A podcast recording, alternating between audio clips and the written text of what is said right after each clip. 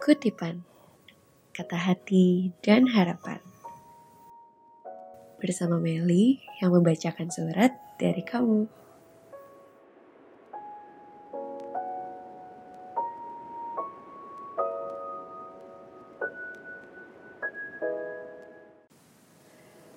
Katanya jadi aku enak. Punya keluarga lengkap yang saling sayang. Sabar karena mau antar jemput. Kalau kelamaan selalu ditungguin sampai selesai. Apalagi aku adalah si bungsu.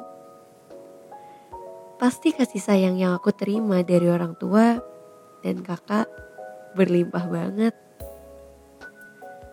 Aku juga si juara kelas. Si pintar yang jadi kesayangan guru-guru. Gak mungkin banget aku berbuat salah dan dimarahin. Gak perlu risau sekalipun ada ujian dadakan.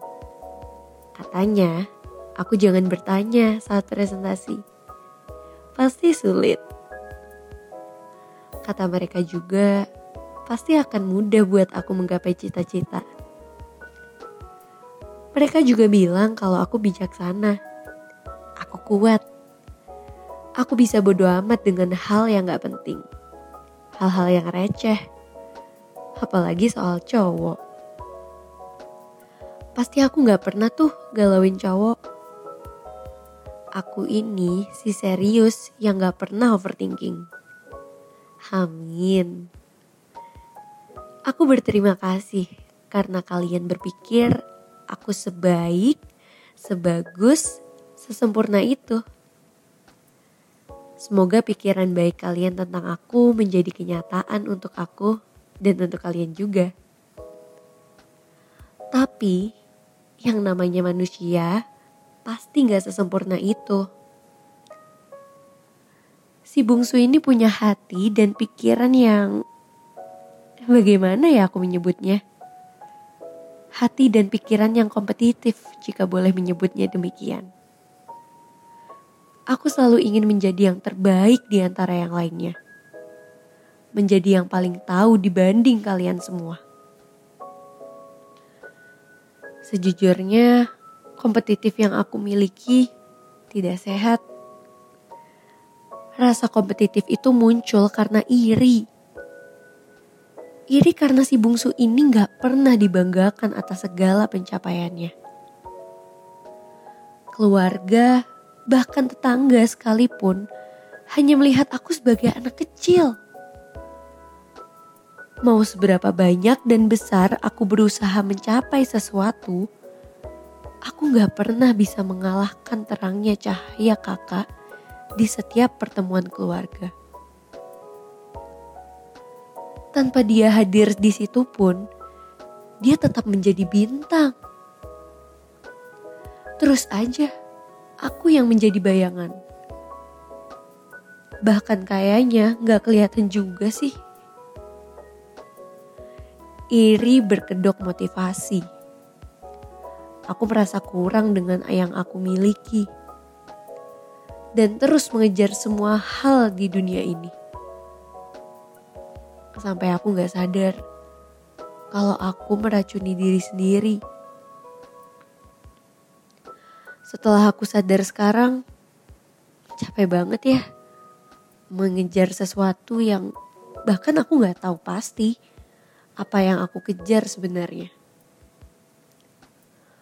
Mungkin cuma sekedar perhatian. Pertama kali aku lulus sekolah, TK sih ya aku juara umum.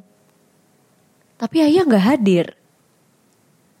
Dia juga gak hadir di kelulusanku yang berikutnya dan berikutnya. Memang, aku gak memiliki penghargaan khusus di momen berikutnya. Tetapi aku menampilkan sesuatu saat itu. Tetap saja, ayah tidak hadir. Mungkin karena aku gak mendapat penghargaan dan bukan pemeran utama. Jadi, apa pentingnya kan? Oke, aku akan jadi pemeran utama jika aku tampil lagi. Semoga saja ayah hadir. Berhasil. Aku berhasil menjadi pemeran utama. Dan tidak ada satupun keluargaku yang hadir untuk menonton. Padahal keluarga para ekstras datang. Sedangkan si pemeran utama gak punya penonton dan pendukungnya sendiri. Gak ada keluarga yang dengan sengaja merekam aku dengan bangganya dan merayakan penampilan yang berhasil menjadi juara. Sayangnya gak ada. Oke, akan aku coba lagi saat kelulusan. Mungkin aku harus dapat lebih dari satu penghargaan agar ayah mau datang. Setidaknya aku bisa menjadi piala yang ayah pamerkan kepada siapa pun. Berhasil. Aku berhasil lagi. Aku berhasil mendapat penghargaan saat kelulusan. Berulang kali aku naik ke atas panggung karena namaku berulang kali tertulis dalam sertifikat penghargaan. Setidaknya nilai ujianku layak dipamerkan. Tapi tetap saja, ayah gak hadir. Padahal ayah selalu hadir di kelulusan kakak, tanpa dipanggil ke panggung sekalipun. Kenapa ayah menjadi sulit saat momen itu adalah momen aku? Aku sempat bilang akan hadir, Ayah sempat bilang akan hadir, tapi membatalkannya saat akan berangkat. Padahal tidak ada rencana atau panggilan dadakan apa pun. Dia memilih diam di rumah dibandingkan hadir menyaksikan aku naik ke atas panggung menerima penghargaan. Harapan palsu itu sudah aku terima lebih dulu dari ayah. Sekarang aku menjadi bingung. Apalagi yang harus aku lakukan agar ayah hadir di kelulusanku yang berikutnya?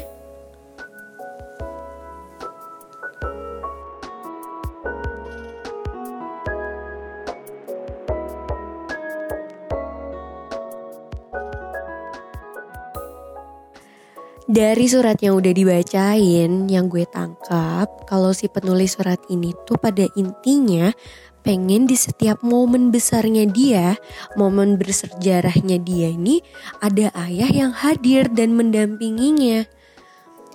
Mungkin kedengerannya simple ya, tapi ini tuh sangat berarti buat dia. Kita semua juga pasti pengen kayak gitu kan.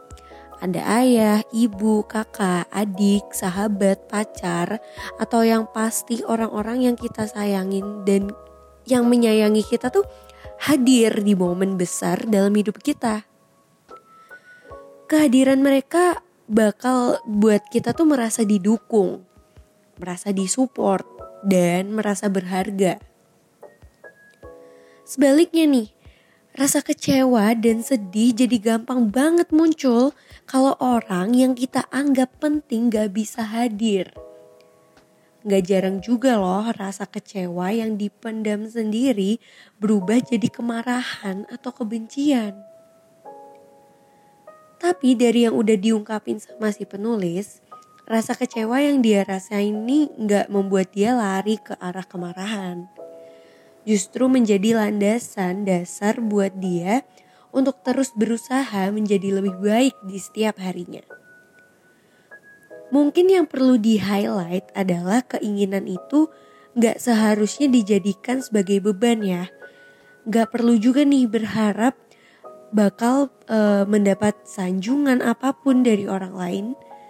Karena gak semua harapan kita orang lain tuh tahu dan gak semua harapan kita bisa orang lain penuhin.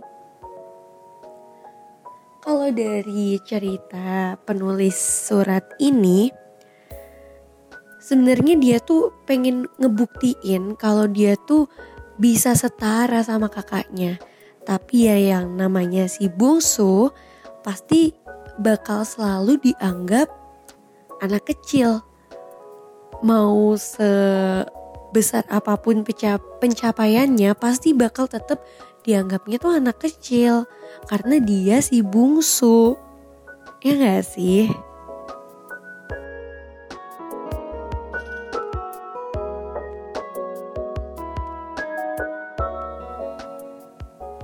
Tapi kalau fanatik emang ngerasa sedih, kecewa, gak apa-apa. Itu wajar. Rasain aja dulu. Fanatik kalau mau nangis boleh. Mau menyendiri dulu juga boleh. Lakuin apa pun yang bisa bikin fanatik nyaman dan tenang. Meli ada beberapa referensi nih yang bisa dilakuin sama pengirim surat tadi dan fanatik juga saat lagi sedih atau kecewa dengan keadaan. Yang pertama, akui aja perasaanmu dan jangan salahkan diri sendiri. Fanatik pasti berat kan melewatinya. Gak apa-apa, dirasain dulu aja. Terima dan sadar kalau fanatik lagi sedih atau kecewa. Gak apa-apa. Itu wajar kok. Daripada fanatik bohongin diri sendiri dengan berpikir, ah gue gak apa-apa. Mending jujur aja apa yang lagi kamu rasain. Yang kedua, menerima keadaan dan lihat sisi positifnya. Gak ada hidup yang mulus terus. Baik-baik terus itu nggak ada. Hal baik dan hal buruk pasti berdatangan. Entah itu bergantian atau bersamaan, pasti ada aja. Yang perlu fanatik tahu, ini semua pasti akan berlalu. Baik nggak nggak selamanya akan baik dan buruk tuh nggak akan selamanya akan buruk. Jangan bebanin pikiran kamu dengan hal yang sementara. Fokus aja ke hal yang positifnya. Yang ketiga, hindari berharap sama orang lain. Ya, kenyataannya perasaan dalam hidup tuh muncul karena interaksi dengan orang lain Nah, maka dari itu, hindari terlalu banyak menaruh harapan ataupun dendam kepada orang lain. Kalau fanatik udah berharap dan pada akhirnya terjadi sesuatu yang di luar harapan, yang ada kamu sendiri yang terkena dampaknya. Dan yang terakhir nih, perbaiki cara kamu berkomunikasi dengan orang lain. Kalau lagi kecewa sama orang atau kondisi fanatik lagi nggak stabil nih, coba deh ingat-ingat cara kamu komunikasi dengan orang tersebut. Kali aja gitu kan, setelah fanatik perbaiki cara berkomunikasi, siapa tahu bisa lebih didengerin sama mereka. Karena yang terpenting dari semua ini tuh komunikasi, guys.